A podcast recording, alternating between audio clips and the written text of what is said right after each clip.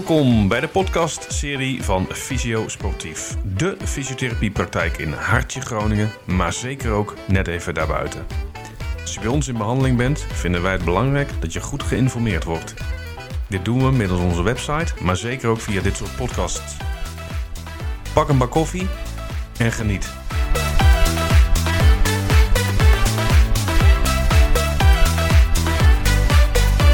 Wil je meer van ons weten?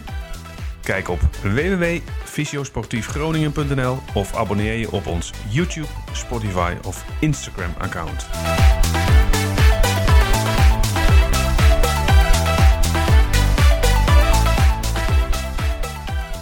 Hey, eh, beste luisteraar, welkom bij weer een nieuwe podcast van Fysio Sportief. Vandaag eh, als onderwerp duizeligheid. Een, eh, een onderwerp wat je misschien niet meteen koppelt aan fysiotherapie. Maar wat wij als fysiotherapeuten wel degelijk zien. Dan wel primair iemand met duizeligheidsklachten, dan wel eh, secundair dat iemand andere klachten heeft en het toch even benoemt. Mijn naam is Bart Wevers, fysiotherapeut en manueel therapeut bij Fysio Sportief. Naast me zit mijn collega Pieter, ook fysiotherapeut en manueel therapeut eh, bij Fysio Sportief. En wij eh, zijn vandaag in de auto gaan stappen en hebben een mooi ritje in het zonnetje gemaakt naar Apeldoorn. Wij zijn namelijk vandaag in het Gelre ziekenhuis. En dat is meteen het bruggetje naar onze tafelgasten. Vandaag eh, drie dames aan tafel die zichzelf het allerbeste kunnen voorstellen. Meini, Hanna eh, en Stephanie. Stephanie, zou jij je eens kunnen voorstellen? Wie ben jij en wat doe jij hier precies? Ik ben Stephanie Winters, ik ben KNO-arts, uh, werkzaam inderdaad in Gelre ziekenhuizen. Uh, en in Gelre ziekenhuis hebben wij een centrum, het Apeldoorns Duizeligheidscentrum. En daar zien wij maar meer dan duizend patiënten met duizeligheid per jaar, samen met de neurologie. Um, ik werk hier nu zeven jaar. Ik ben ook gepromoveerd op duizeligheid in het UMC Utrecht, al in 2014 hele tijd geleden. Uh, maar ik ben dus al vanuit mijn opleiding al heel erg geïnteresseerd in duizeligheid. En vanuit die hoedanigheid ook hier komen werken. Dus ik ben KNO-arts, maar ook werkzaam bij het AP, ADC's, Apeldoorns Duizeligheidscentrum. Yes, mooi. Hanna, je zit er tegenover. Vertel.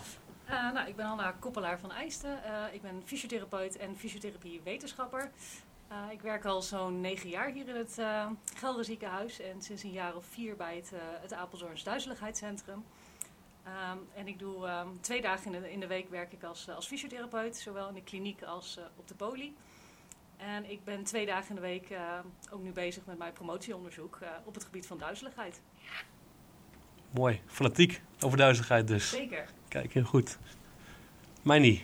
Ja, ik ben Meini Seelen, werkzaam als neuroloog uh, hier in het Gelre ziekenhuis en ook uh, in die hoedanigheid verbonden aan het Apeldoorns Duizeligheidscentrum. Uh, waar we dus inderdaad, zoals net al genoemd, samen met echt, echt samen met de KNO-arts de patiënten zien. eh, en ook heel veel doen aan wetenschappelijk onderzoek naar duizeligheid. Kijk, dus wetenschap en, eh, en veel kennis over, over duizeligheid zo te horen aan tafel. Hanna, wat, wat maakt het, het centrum hier zo bijzonder? Nou ja, het is natuurlijk een centrum wat, uh, wat al lang bestaat. Wat, wat, heel veel, onze artsen hebben ontzettend veel kennis. Uh, en ook mijn collega's van de fysiotherapie, die doen dit echt al jaren. Dus we hebben echt gewoon heel veel ervaring met, met duizelige patiënten. En nou ja, vooral ook de, de samenwerking met elkaar, de goede diagnostiek. En daarmee ook um, nou, de patiënten goed kunnen uitleggen welke diagnoses ze hebben, wat er aan de hand is. En ze daarmee uiteindelijk handvaten kunnen geven hoe ze daarmee verder kunnen leven. En hopelijk een stukje uh, verbetering ook kunnen geven aan de klachten die ze hebben.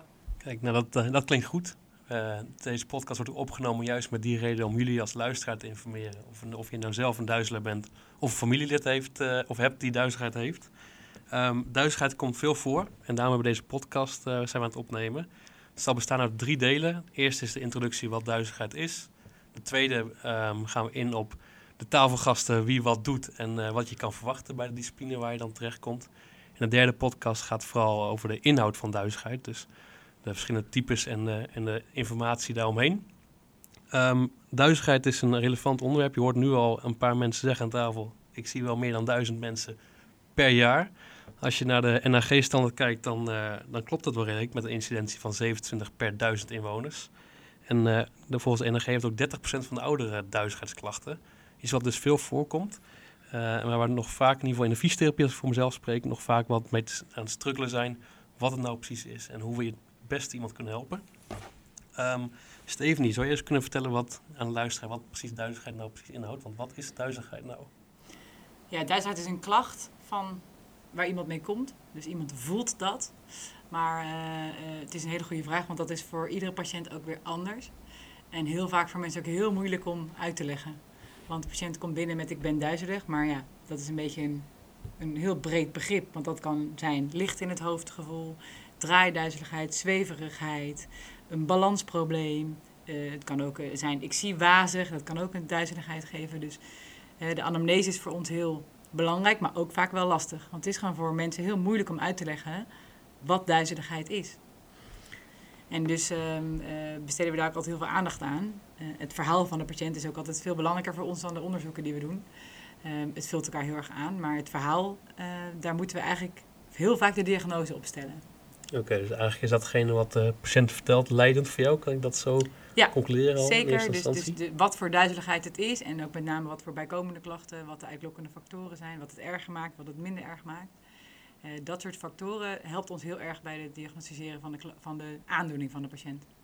Want Ik heb eh, tijdens mijn opleiding geleerd, eh, er bestaat een vertigo, er bestaat een lightheadedness, een meer dizziness. Nou ja, als de patiënt bij mij voor me zit, dan, dan weet degene vaak niet zo heel goed wat hij moet vertellen. Los van dat er echt wel een verschil in zit.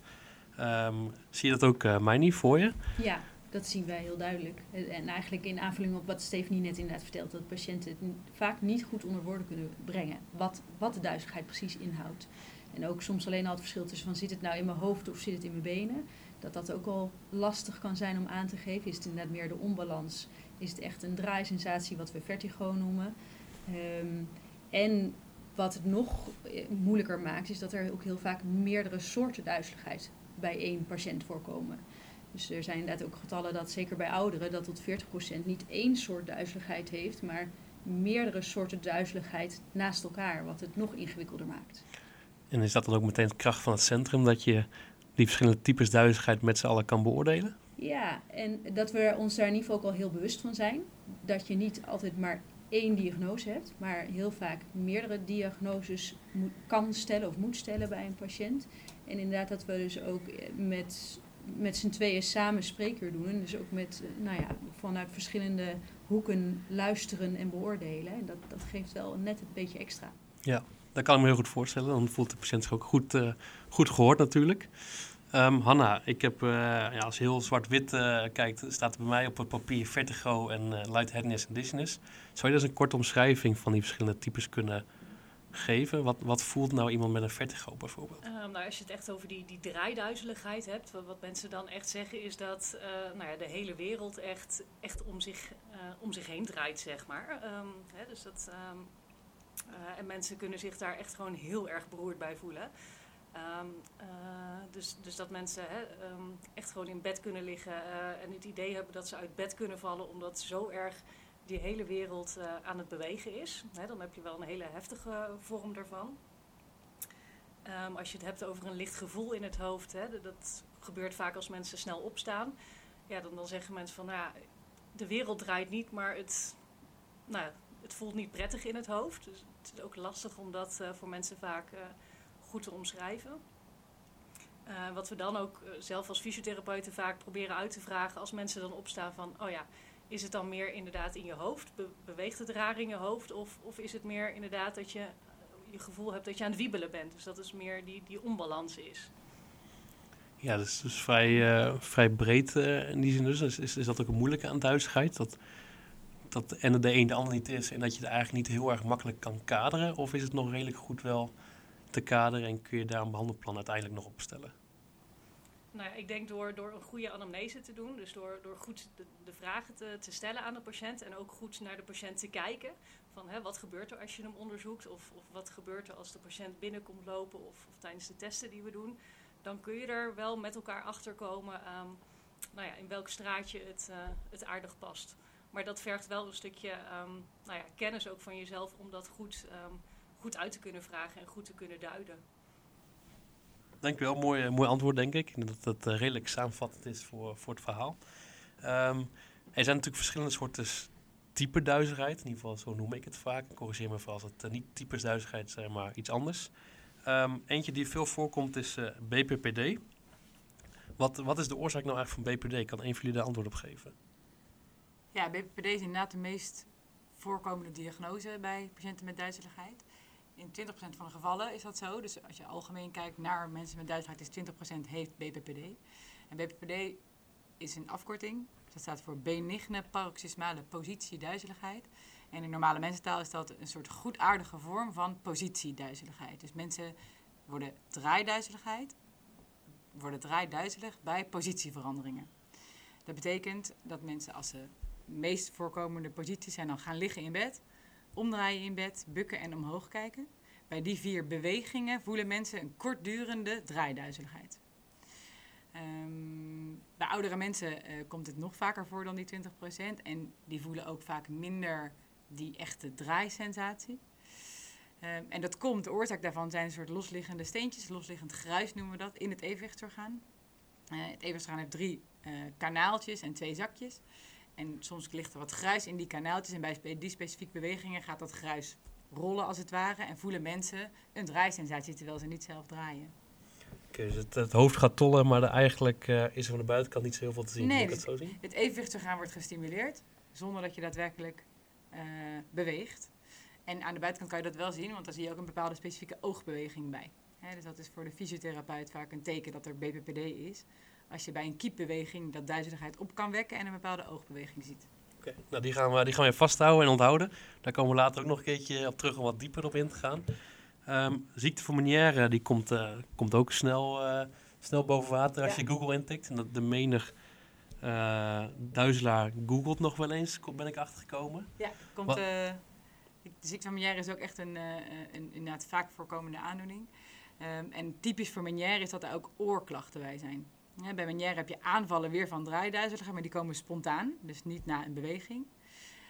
Um, zijn ook iets langer, langer dan 20 minuten meestal. En mensen hebben daar oorklachten bij. Dus ze hebben of een hele harde oorsuis, een drukgevoel in het oor en daarbij ook vaak gehoorverlies. Hoe meer aanvallen er komen, hoe meer dat gehoorverlies ook op de voorgrond komt te staan. Oké, en een oorsuis moet ik daar... Ik, de meeste mensen kennen het woord tinnitus wel. Is, ja. het, is het een tinnitus? Uh, tinnitus, ja. ja. En tinnitus noemen we eigenlijk alle geluiden die mensen horen die niet daadwerkelijk buiten zijn. Maar inderdaad, dat kan suizen, brommen, piepen, tingelen iets van een geluid zijn wat mensen in hun oor horen. Nog wel vrij breed, dus de ene, ene ziekte van Meniere is ook de andere niet, dat ze horen. Nou, uh, ze hebben allemaal tinnitus, maar dat kan voor iedereen een ander geluid zijn. Oké, okay, dus het uit zich wel anders. Het kan zich anders uiten, ja. Oké. Okay. En uh, naast de uh, ziekte Meniere is uh, de neuritis vestibularis iets wat, wat volgens mij ook voor een vertigo, dus de draaiduizigheid kan zorgen. Dan kijk ik even erover, maar meer richting de KNO regio. Sorry, een neuroloog, uh, excuus. Ja. Nee, uh, zeker. Neuritis vestibularis is... we weten niet exact wat de oorzaak daarvan is, maar je wordt in ieder geval heel acuut, heel plots, heel draaiduizelig. Met vaak forse misselijkheid, braken. Uh, dat kan uren, maar vaak ook een paar dagen duren voordat dat weer afzakt. En dan kan het ook zo zijn dat door deze aanval van draaiduizigheid je ook daarna nog langere tijd problemen houdt met bijvoorbeeld het houden van de balans. En dat is heel erg wisselend in hoeverre die balansklachten daarna nog blijven spelen. En dat is ook een beetje afhankelijk van in hoeverre het evenwichtsorgaan door deze aanval van een van neuritis vestibularis uh, mogelijk toch minder is gaan functioneren. Voor de een is dat bijna niet, herstelt heel snel en weer goed. En de ander kan nog langdurig balansklachten hebben en ook houden. Um, en wat ik al zei, de oorzaak is niet helemaal duidelijk, maar we, we noemen toch wel eens dat er waarschijnlijk een soort virus is geweest op het evenwichtsorgaan. Wat deze klachten dan heeft veroorzaakt. Oké, okay, als ik naar neuritis het woord uh, ga ontleden, dan denk je al snel aan, aan ontsteking. Ja. Is, is, is dat virus, wat dat, dat virus wat daar misschien geweest is, dat dan datgene wat voor de ontsteking ja. zorgt? Of? Ja, eh, nog nooit goed echt hard kunnen aantonen hè, welk virus of, of nou ja, wat het dan is. Maar dat is wel inderdaad hoe het, het ontsteking van het evenwichtsorgaan door een virus. Door een virus, oké. En soms zie je ook nog wel eens dat de mensen in de weken daar voorafgaand bijvoorbeeld ook een bovenste luchtweginfectie hebben gehad, verkouden zijn geweest. Maar dat is ook niet altijd even duidelijk.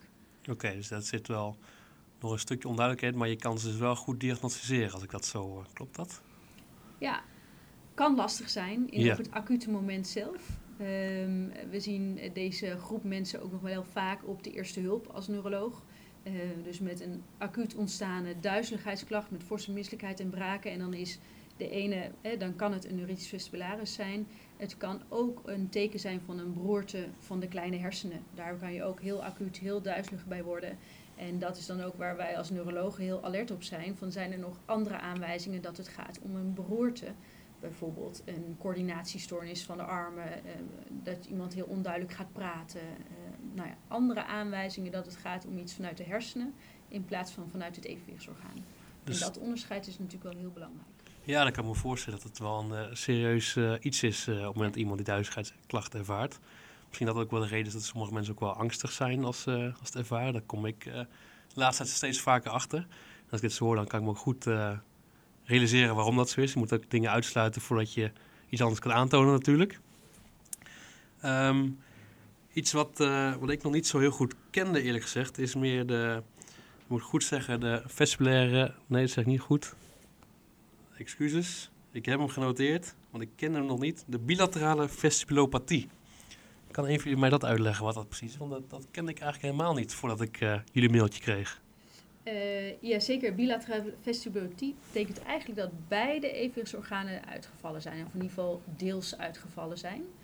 En wat heel belangrijk is in een verschil tussen een eenzijdige uitval van een evenwichtsorgaan of dat beide kanten uitgevallen zijn, is dat je dan eigenlijk niet zozeer duizeligheidsklachten krijgt. Eh, want duizeligheidsklachten wordt meer veroorzaakt door een, een asymmetrie, dus dat het aan één kant wegvalt. En als aan beide kanten de functie minder wordt van je evenwichtsorgaan, dan krijg je vooral balansklachten. Eh, en ook last van iets wat we oscillopsie noemen. Een heel mooi woord van dat je eigenlijk niet goed je beeld kan stabiliseren tijdens het bewegen. Dus als je aan het lopen bent, dan kun je niet meer goed bordjes lezen, omdat je dat beeld niet goed kan stabiliseren. Daar heb je je beide evenwichtsorganen voor nodig. En mensen beschrijven ook vaak een soort van naeilend beeld. Ehm, en dat is iets wat past bij zo'n bilaterale vestibulopathie. Dus dat is eigenlijk wel weer, eh, weer echt, type, echt hele andere kenmerken dan we net gehoord hebben. Ja, dus daar staat echt die duizeligheid inderdaad juist niet op de voorgrond. Ja, oké. Dat is natuurlijk eh, ook wel interessant. Dus zeker omdat het om duizigheid gaat natuurlijk. Ja. En eh, dat het toch bij het evenwichtsorgaan dan vandaan komt. Ehm duizigheid bij hyperventilatie staat ook heel mooi op jullie website genoemd. Samen met de PPPD. Kan een van jullie daar ook wat over vertellen? Want ik heb gehoord dat dat eh, redelijk samenhangt. Ja, we noemen dat. eh, eh, de PPPD is eigenlijk een nieuwe term. Een beetje verwarrend vinden wij, want het lijkt heel erg op BPPD, maar het is iets heel anders. Dit is namelijk persisterende positionele perceptieduizeligheid. Hele mond vol. Maar dat is eigenlijk een soort nieuwe naam voor een hele groep van oudere namen. Ja, dat is een soort afspraak hoe we nu die ziekte noemen. En dat is eigenlijk een soort eh, een, een nieuwe naam voor een soort chronische ehm, eh, duizeligheid, waarbij mensen ook vaak eh psychisch klachten hebben, vaak angstklachten zijn daar vaak bij. En daar komt vaak de hyperventilatiestoornis ook om de hoek kijken. Want als mensen gespannen zijn, dan hebben ze vaak een een hoog ademhalingsniveau.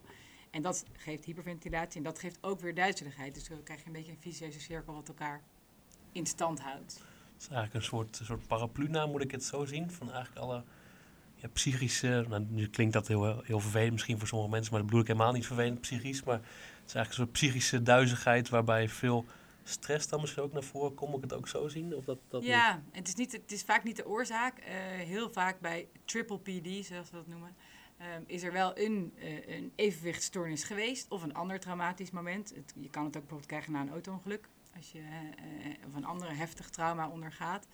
Maar wij zien het heel vaak na een neuritis vestibularis, na een meniere aanval, dat mensen toch eh, dat dat netwerk eh, in de hersenen op een toch te hoog niveau blijft functioneren, waardoor ze een soort chronische overprikkeling krijgen. Hè, die mensen hebben dus een overprikkeld evenwichtsorgaan, dus die hebben heel veel last van bewegingen. Eh, die hebben een continu gevoel dat ze bewegen, een continu deinend gevoel. Ehm, die, zijn, die hebben dat eigenlijk bijna altijd, meer wel dan niet. Die klachten nemen toe als ze rechtop zitten of gaan staan. Eh, maar ook bij bewegingen, dus hoofd- en lichaamsbewegingen. Maar ook wat heel typisch is bij bewegende beelden. Dus die ogen zijn ook heel overgevoelig. Hè? Dus bewegende beelden, maar ook bepaalde patroontjes op het behang of op de vloer... kunnen ook duizeligheid laten toenemen. Hè? En juist die overprikkeling op die meerdere systemen is heel typisch daarvoor. En dat geeft heel vaak angst en spanning. We zien ook dat de mensen heel vaak wat somber kunnen zijn. Want die worden vaak heel beperkt door hun klacht. Dus als je heel veel last ergens van hebt en niet meer tegen een drukke omgeving kan, zoals een verjaardag, ja, dat is natuurlijk hartstikke verdrietig. Eh, dus dat dat voegt niet toe aan je kwaliteit van leven. En die samenhang is er heel duidelijk. Dus uh, klopt het als ik zeg een soort van shortcut, kort op de bocht, dat het een soort secundaire vorm van duizigheid is? Dat het ergens anders vandaan komt? Um, nou, kan, ik dat zo, kan ik dat zo zeggen of, of past het eigenlijk niet? Nou, het is vaak het hoofdprobleem van de patiënt. Het is vaak wel een gevolg van iets wat patiënten hebben meegemaakt. Oké, maar het hangt wel heel erg nauw samen dus. Ja, want die uh, neuritis vestibularis is geweest. Patiënten zijn vaak heel goed hersteld, hebben helemaal geen uitval meer als we dat dan meten. Maar toch zitten ze nog met die uh, klacht van triple PD. Met die duizeligheid.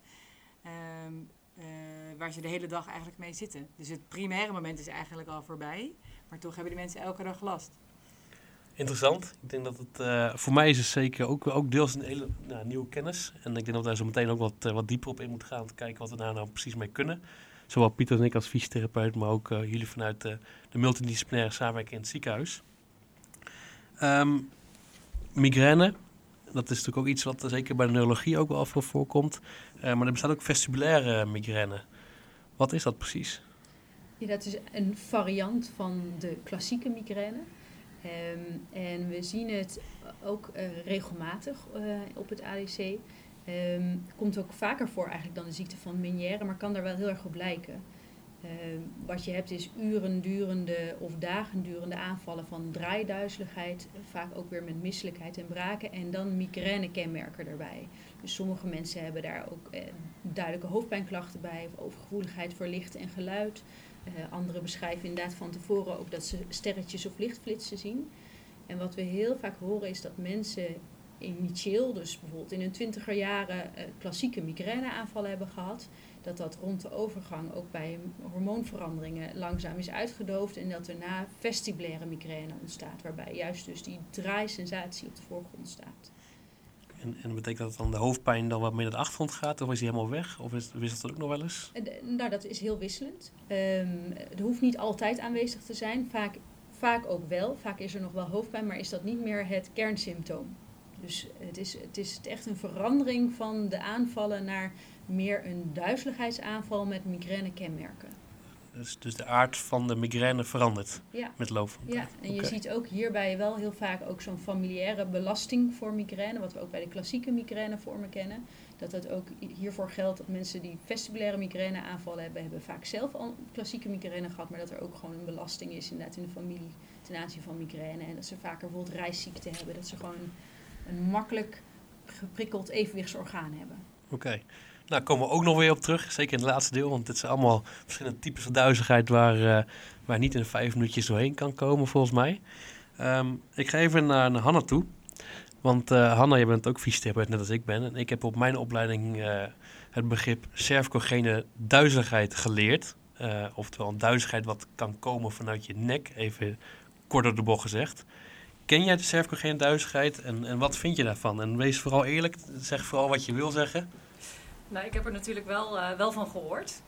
Um, nou ja, ik ben zelf geen manueeltherapeut. Ik ben gewoon een, een algemeen fysiotherapeut. Dus um, ik heb het niet op mijn, uh, mijn basisopleiding gehad. Dus ik, ik weet ook inderdaad... Hè, ik hoor in mijn omgeving dat het heel veel inderdaad uh, op de manuele therapie um, echt geschoold wordt. hier in het duizeligheidscentrum zelf stellen we die diagnose eigenlijk niet inderdaad. En wat ik inderdaad in de literatuur veel gelezen heb is... Uh, dat, het, dat de therapeuten zeggen dat het een duizeligheid is die uh, vooral uit de nek komt. Uh, en dat het er vooral dan mee te maken heeft dat um, nou, de, de gevoelssensoren vanuit de nek de informatie wat minder goed doorgeven um, aan de hersenen. En dat, dat mensen daardoor duizelig kunnen worden. Um, ik vind het zelf heel lastig om daar nu een oordeel over te geven of het wel of niet bestaat. wat wij wel gewoon heel veel zien bij ons in de praktijk um, is dat mensen die duizeligheid zijn, wat net ook al wel besproken is, heel angstig kunnen zijn, uh, moeilijker gaan bewegen, ook voorzichtiger bewegen. Uh, en wat je dan automatisch al ziet, is dat mensen uh, het lichaam wat, wat stijver houden, wat strammer worden. Bij veel bewegen, veel duizeligheidsvormen um, worden, worden mensen ook duizelig door juist snellere hoofdbewegingen. Dus je ziet dat mensen die bewegingen ook gaan vermijden, omdat ze daardoor duizelig worden. En ze willen dat voorkomen, want dat is een heel naar gevoel. Dus wat je dan steeds, steeds meer ziet, is dat mensen hun nek stijf gaan houden en, en dan gaan bewegen. Um, dus daardoor ontwikkelen mensen soms wel juist eh, wat meer spierspanning. Hè? Dat die nek wat stijver wordt, dat ze die nek minder makkelijk kunnen bewegen. Uh, dus dat stukje herkennen wij uh, zeker in de praktijk. dat dat ook wel voor problemen kan zorgen. Maar dan zien wij het meer als een gevolg van die andere duizeligheidsklachten dan dat, dat het ehm, het hoofdprobleem is, zeg maar. Interessant. Um, ik denk dat we daar zeker zo meteen nog even over gaan hebben. Want ik denk dat dit ook wel een mooi, uh, mooi bruggetje is naar de nieuwe vorm fysiotherapie, om het zo maar te zeggen. Voorheen waren we altijd heel erg mechanisch aan het redeneren. Zitten botten goed, zitten botten niet goed en beweegt alles goed, et cetera. En nu zijn we steeds meer bezig, toch in ons vak natuurlijk, om meer de psychosomatische kant op te gaan. Hoe, hoe voelt iemand zich thuis? Heeft een stress? Voelt iemand zich lekker in zijn vel? En misschien moeten we daar toch wat meer achter gaan zoeken. In plaats van beweegt die nek wel goed of beweegt de nek misschien wel niet zo goed. Maar daar gaan we het uh, aan het eind nog even over hebben. Ik denk dat het een hele interessant is voor, uh, voor veel collega's ook met name. Um, dit was, uh, was het eerste deel van, van de podcast. Um, ik hoop dat iedereen weet wie er aan tafel zitten en welke types duizigheid er zijn. Mocht het nou een beetje te snel zijn geweest of gegaan zijn, luister het vooral nog een keertje terug. Of, of wacht even tot het derde deel. Want dan gaan we inhoudelijk nog wat dieper op alle types duizigheid in. Voor nu bedankt voor het luisteren en, en op naar deel 2. Daar is namelijk uh, te horen wie wat doet in de praktijk.